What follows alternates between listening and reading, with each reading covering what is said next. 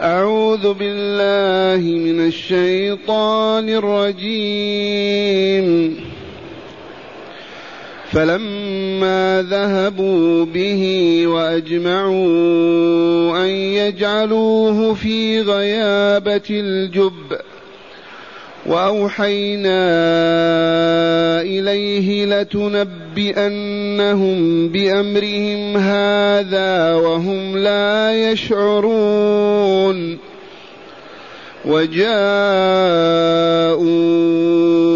أباهم عشاء يبكون قالوا يا أبانا إنا ذهبنا نستبق وتركنا يوسف وتركنا يوسف عند متاعنا فاكله الذئب وما انت بمؤمن لنا ولو كنا صادقين وجاءوا على قميصه بدم كذب قال بل سولت لكم أنفسكم أمرا فصبر جميل والله المستعان على ما تصفون. معاشر المستمعين والمستمعات من المؤمنين والمؤمنات هذا القصص من أين أتانا وكيف وصل إلينا؟ هذا من فضل الله ثم بركة الإسلام. هذا وحي الله أوحاه إلى رسوله ومصطفاه صلى الله عليه وسلم ليكون آية نبوته وعلامة رسالته. وأنه حقا نبي الله ورسوله. هذه الأحداث مضت قبل وجود نبينا مضت عليها ألوف السنين. كيف وصلت إلى رسولنا هذا؟ وهي موجودة في التراث مع الخلط والخبط والزيادات والأكاذيب والأباطيل. أما هي هنا في القرآن كلها كاللؤلؤ والمرجان. لا خطأ ولا زيادة ولا نقصان. قوله تعالى فلما ذهبوا به. بالأمس عرفنا أنهم طلبوا من أبيهم يعقوب عليه السلام أن يرسل معهم أخاه أخاهم يوسف عليه السلام. وهذا الطلب كان نتيجة مؤامرة دنية. أرادوا أن يتخلصوا من يوسف ليخلص لهم وجه أبيهم فدبروا هذه المكيدة وهي أن يلقوه في ظلمة البئر ليهلك. إذا ورد عليهم يعقوب كما علمتم وقال إني أخاف أن يأكله الذيب وأنتم عنه غافلون. وتعهدوا كيف يأكل الذيب ونحن عصبة إذا فما كان من يعقوب والله يسوق أقدار لأقدار إلا أن سلم وأعطاهم يوسف. مع تحفظه وتحرزه مع شعوره الكامل بمكرهم ومؤامرتهم ولكن قضاء الله ينفذ. إذا فلما ذهبوا به بحجة أنه يلعب ويرتع معهم في الصحارى ويأكل أنواع الفواكه والخضر واللحوم ويستبق معهم ويتمرن على الصيد وما إلى ذلك. فلما ذهبوا به وأجمعوا أمرهم كلمتهم على أن يلقوه في غيابة الجب ما اختلفوا في هذه القضية ولا قال أحدهما لا أحضر هذا أو لا أشهد هذه الحادثة أو أنا أعود إلى والدي ليتم قضاء الله وقدره وإلا كان في الإمكان يفر يهودا ويقول نذهب إلى أبي. وإذا معه آخر وثاني ما يمكنون ما يمكنهم أن يردوهم ويقتلوهم. لكن لينفذ ما كتبه الله وقدره. فلما ذهبوا به وأجمعوا أن يجعلوه في غيابة الجب قال تعالى وأوحينا إليه. بعدما وصلوا إلى هذه البير المظلمة وضعوا الكتاب في يديه وجردوه من قميصه سلخوه منه وألقوه في البير فشاء الله أن توجد صخرة لم يعلوها الماء ولم يغطها فوقف عليها. هناك في تلك اللحظات أوحى الله تعالى إليه. أعلمه إعلاما عجبا خفيا. إن شئت قل وحي أو قلت إلهامات أوحى الله إليه ولا حرج وسوف يصبح نبيا ورسولا. وإن كان غلاما لم يبلغ لم يمنع ذلك أن يوحى إليه. أم موسى ما أوحي إليها؟ وهل هي رسولا؟ الجواب لا.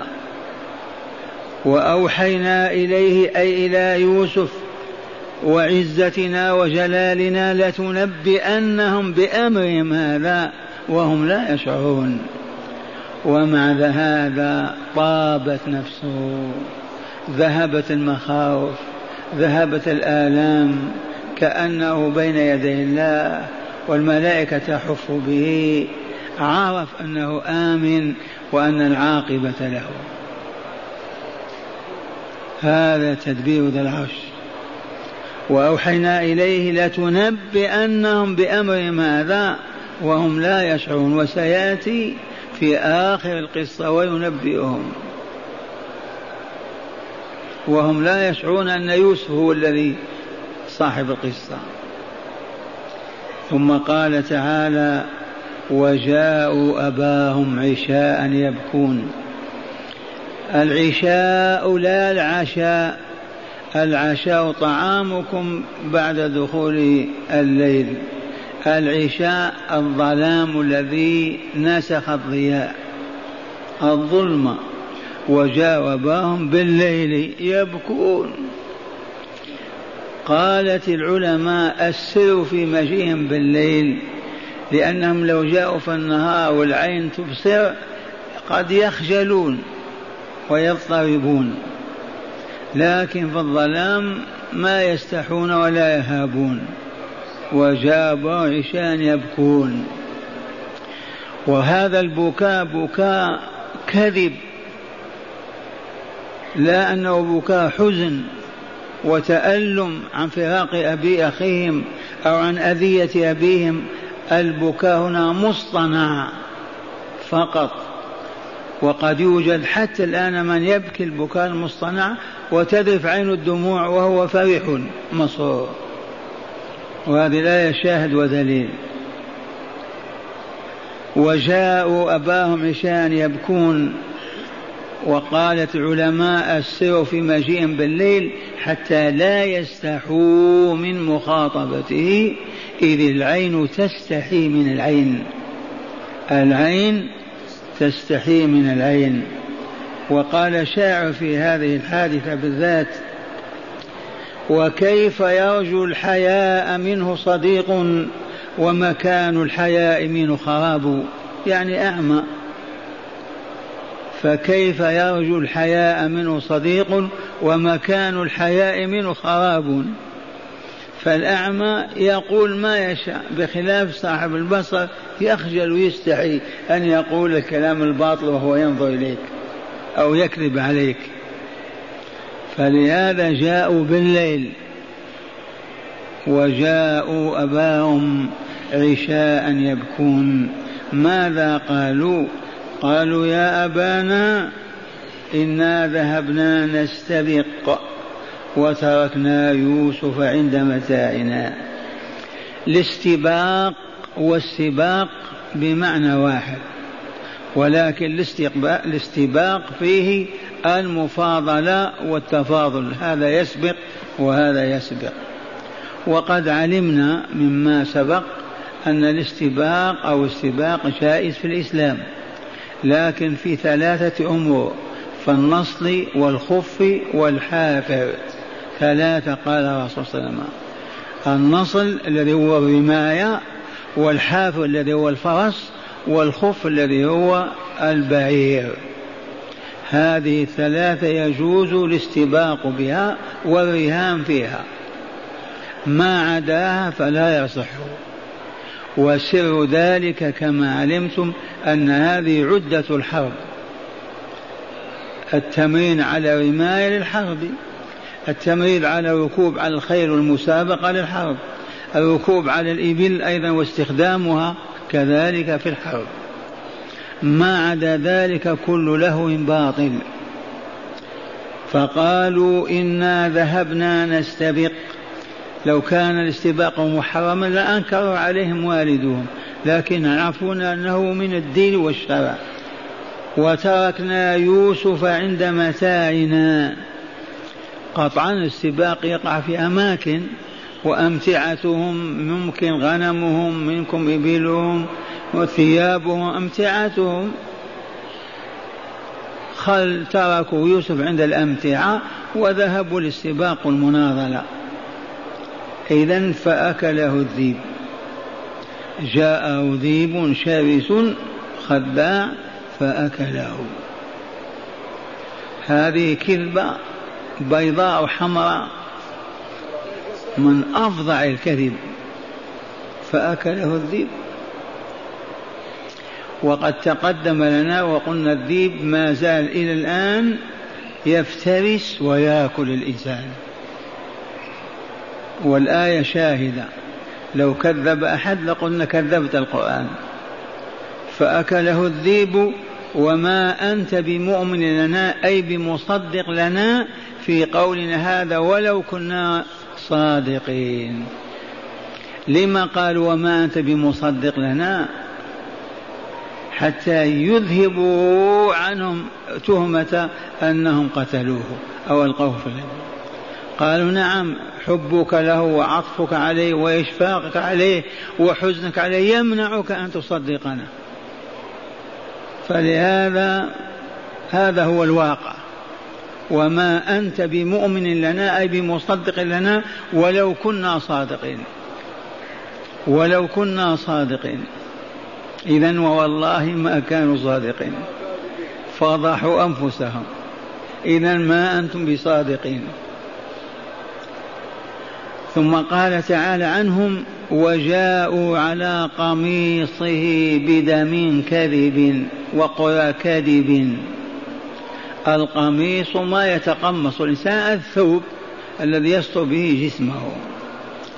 وهذا القميص كان يلبسه كما يلبسون قمصانهم جاءوا على قميصه بدم كذب سخل أو أرنب أو حيوان ذبحوه ولطخوا القميص بالدم. ولعل انتزاعهم الثوب لما دلوه في البير لأجل هذا الغرض.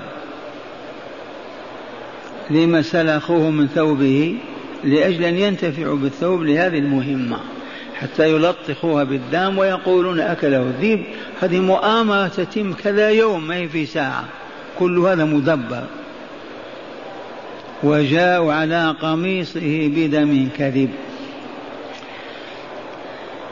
إذا قال بل سولت لكم أنفسكم أمرا. هذا ما هو أبدا ما أكله الذئب. كيف يأكله الذئب ولا يمزق الثوب بأنيابه ولا بأظفاره ولا يمز ولا يتلطخ الثوب كله بالدم؟ يبقى الدم في جهة معينة ما به أي شيء هذا ما هو صحيح أبدا. هذا استعمال باليد. أما الذيب يفترش يفترس بأنيابه بأظفاره يمزق حتى يمزق اللحم مع الثوب. كيف ثوب نظيف سليم فقط فيه نقاط من الدم؟ هذا دم كذب بل سولت لكم أنفسكم أمرا هذا الأمر ما هو؟ أن يلقوه في غيابة الجب وقد فعلوا وأن يستلبوا منه قميصه ويلطخوه بالدم. دم الأرنب وإلا الغزال وإلا الشاة. ويدعون أن الذئب أكله كحجة باطلة. قالت العلماء من هنا أخذ الفقهاء الأخذ بالأمارات والعلامات في قضية المقاسمة وغيرها يعول على الأمارة والعلامة. فلو كان القميص حقيقة ملطخ ممزق كذا لدل على أنه أكله الذيب لكن لما كان ما في تلطيخ ولا فيه أي تمزيق إذا هذا أبدا ما هو من الذيب هذه علامة دالة على أنهم كذبوا وآية صادقة وهو كذلك. وجاءوا على قميصه بدم كذب قال لا كما تزعمون بل سولت لكم أنفسكم امرا خطيرا عجبا قتل أخيكم وإلى رميه في البئر. فصبر جميل أي فصبري اذا صبر جميل. لا جزع فيه ولا شكوى الا إلى ربي. الصبر الجميل الذي لا شكوى فيه إلا لله ولا جزع. والصفح الجميل الذي لا أذي بعده. الصبر الجميل والصفح الجميل والهجر الجميل. الذي ما يسب بعده ولا يغتاب ولا ينمم. فصبر جميل أي صبري صبر جميل لا جزع فيه ولا شكوى لأحد إلا إلى ربي والله المستعان على ما تصفون به عز وجل الاستعانة على كذبكم وما تدعون وما تقولون وهو كذلك الله المستعان. على كل ذي شر وظلم وخبث وفساد. وأعانه الله وإلا سيأتي يوم يبكون بكاء النساء. إذا أعيد عليكم الآيات تأملوها. فلما ذهبوا به إلى أين؟ إلى الصحراء إلى البر وأجمعوا أن يجعلوه في غيابة الجب لماذا؟ ليفصلوه عن أبيه ويستريحوا منه أليس كذلك؟ وأوحينا إليه إلى من؟ إلى يوسف وهو في البئر لينشرح صدره وتطيب نفسه ويطمئن ويصبح كأنه في الجنة ما هو في ظلمة البئر ولا خوف من الأذى لتنبئنهم بأمرهم هذا الخبيث الدني وهم لا يشعرون. وتم هذا ونبأهم بعد أربعين سنة. وجاءوا أباهم. من أبوهم؟ يعقوب. وجاءوا أباهم عشاء يبكون. هذا البكاء حقيقي حزن ألم صناع كذب فما كل من يكذب يدعي أنه صادق. قالوا يا أبانا إنا ذهبنا نستبق. ما معنى نستبق؟ نتسابق إما في الرماء وإما في الخيل وإما في على الإبل. نستبق وتركنا يوسف عند متاعنا. هذه كذبة. لماذا يتركه وهو مثلهم شاب؟ يمشي معهم. يتركه يحرص يعني المتاع وهم يلعبون. قد يقول من أجل أن يستريح ولا نتعب أخانا وهو ثمرة كبد أبينا فأبقنا هنا حتى لا يتألم. وتركنا يوسف عند متاعنا فأكله الذئب. جاء الذئب يبحث عن الطعام عن كذا وجده أكله. فأكله الذئب وما أنت بمؤمن لنا ولو كنا صادقين. والله ما هم بصادقين ولا صدقوا. ولهذا والله ما آمن يعقوب بكلامهم ولا صدقهم. لكن ماذا يصنع؟ هذا الواقع. وجاءوا على قميصه بدم كذب كبرهان وحج على أنه أكله الذيب. فكيف الذيب يأكله ولا يمزق ثوبه؟ معقول هذا الكلام؟ يسلخ الذيب الثوب يخلي على جهه أو يمزق بأنيابه وثيابه وجاءوا على قامه بدم كذب. إذا فبناء على هذا قال فصبر جميل أي صبري صبر جميل. لا أجزع ولا أشكو لأحد إلا لربي والله المستعان على ما تصفون. يواجه به أولاده الأحد عشر والله المستعان على ما تصفون. من هذه الأقوال الباطلة والأكاذيب والترهات معاشر المستمعين إليكم شرح الآيات من الكتاب. لنزداد بصيرة ومعرفة. معنى الآيات ما زال السياق الكريم في الإخبار عما عزم عليه إخوة يوسف أن يفعلوه. فقد أقنعوا والدهم يوم أمس أقنعوه على إرسال يوسف معهم إلى البر. وها هم أولاء وقد أخذوه معهم وخرجوا به وما إن بعدوا به حتى تغيرت وجوههم عليه. وصار يتلقى الكلمات النابئة والوكز والضرب. وهذا حاصل.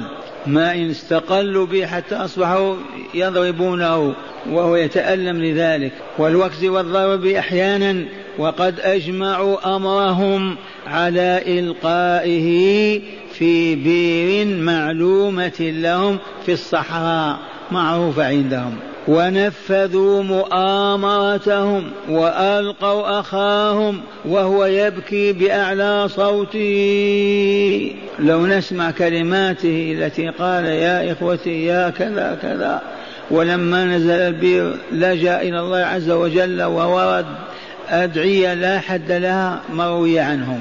قال وقد انتزعوا منه قميصة وتركوه مكتوفا في يكتوف اليدين في قعر البير وهنا أوحى الله تعالى إليه أي أعلمه بما شاء من وسائط العلم سواء نقول وحي وإلا إلهام وإلا ملك كلمه. بوسائط الوحي بوسائط العلم أنه سينبئ في يوم الأيام بعملهم الشنيع هذا وهو معنى قوله تعالى في السياق وأوحينا إليه لتنبئنهم بأمرهم هذا وهم لا يشعرون. وبعد أن فرغوا من أخيهم ذبحوا سخلا من السخال صغيرة ولطخوا بدمها قميصه وعادوا إلى أبيهم مساء. يبكون يحملون الفاجعة إلى أبيهم الشيخ الكبير. قال تعالى وجاءوا أباهم عشاء أي ليلا يبكون وقالوا معتذرين يا أبانا إنا ذهبنا نستبق وتركنا يوسف عند متاعنا فأكله الذيب وما أنت بمؤمن لنا أي بمصدق لنا ولو كنا صادقين. وقد دلت عباراتهم على كذبهم. وقد دلت عباراتهم على كذبهم. إذ أكلوا يوسف وقد دلت عباراتهم على كذب على كذبهم. قال تعالى وجاءوا على قميصه بدم كذب أي ذي كذب دم ذي كذب أو مكذوب. إذ هو دم سخلة ذبحوها فأكلوها ولطخوا ببعض دمها قميص يوسف أخيهم. ونظر يعقوب إلى القميص. ونظر يعقوب إلى القميص وهو ملطخ بالدم الكذب ولم يكن به خرق ولا تمزيق فقال إن هذا الذيب لحليم. هذا الذيب حليم هذا. ما هو شرس مغتاظ حليم إن هذا الذيب لحليم إذ أكل يوسف ولم يمزق ثوبه. أكل يوسف ولم يمزق ثوبه. ثم قال ما أخبر تعالى عنه بقوله قال بل سولت لكم أنفسكم أمرا. أي لم يكن الأمر كما وصفتم وادعيتم وإنما سولت لكم أنفسكم أمرا فنفذتموه وهو إلقاؤه في اليم والادعاء أنه مات. فصبر جميل أي فأمري. صبر جميل والصبر الجميل هو الذي لا جزع فيه ولا شكوى معه إلا إلى الله. والله المستعان على ما تصفون أي من الكذب. إن شاء الله فهمنا الآيات. الحمد لله. كانت الصحابة رضوان الله عليهم يقولون ما نحفظ ما إذا حفظنا العشر الآيات لا نزيد عليه حتى نحفظها ونفهمها ونعمل بما فيها. فنأخذ العلم والعمل مع بعضهم بعض. هداية الآيات تأملوا. قال من هداية الآيات أولا جواز صدور الذنب الكبير من شخص هيأه الله للمستقبل لأن يكون صالحا أو نبيا أو وليا. من أين أخذنا هذا؟ إخوة يوسف. ومن تدبير الله تعالى أنه صرف عنهم قتله ما قتلوه. مرة ثانية جواز صدور الذنب الكبير من الرجل المؤمن المهيأ للكمال مستقبلا. وعندنا وبين أيدينا رجال كثيرون يذنبون يذنبون وبعد يتوب الله عليهم ويصبحون أولياء لله. ربانيين. أليس هذا الواقع؟ قل من يولد ويبقى على موت إلى أن يموت وهو ما أذنب ذنبا. نادى منكم في الواحد في الألف واحد. ثانيا لطف الله بيوسف وإكرامه أنه بإعلامه إياه أنه سينبئ إخوته بفعلتهم هذه وضمن ذلك بشره بسلامة الحال وحسن المآل. وغدا إن شاء الله تأتي السيارة ويأخذونه إلى مصر ويعيش في دار الملك. ثالثا اختيار الليل للاعتذار دون النهار. الآن ما بقي ليل. ما بقي ليل. آه. إلا إذا طفيت الضوء الكهرباء وتكلم معه لا بأس. ويفعلون هذا بعض الناس. فما يواجه وجها لوجه. اختيار الليل للاعتذار دون النهار لأن العين تستحي من العين. كما يقال هذا العامة يقولون هذا وهو الحق.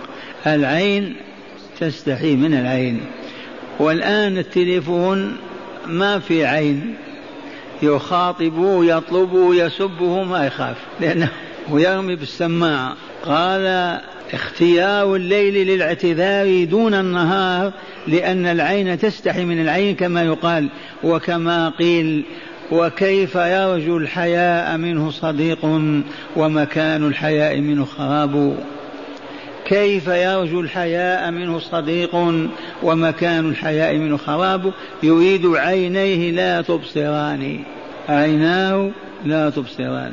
رابعا فضيلة الصبر الجميل وهو الخالي من الجزع والشكوى مع إلا لله عز وجل.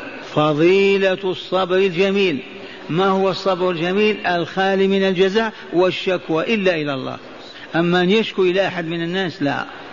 جاع عطش كذا ما يشكو إلا إلى الله. الصبر الجميل وهو الخالي من الجزاء والشكوى معا إلا من الله لله عز وجل.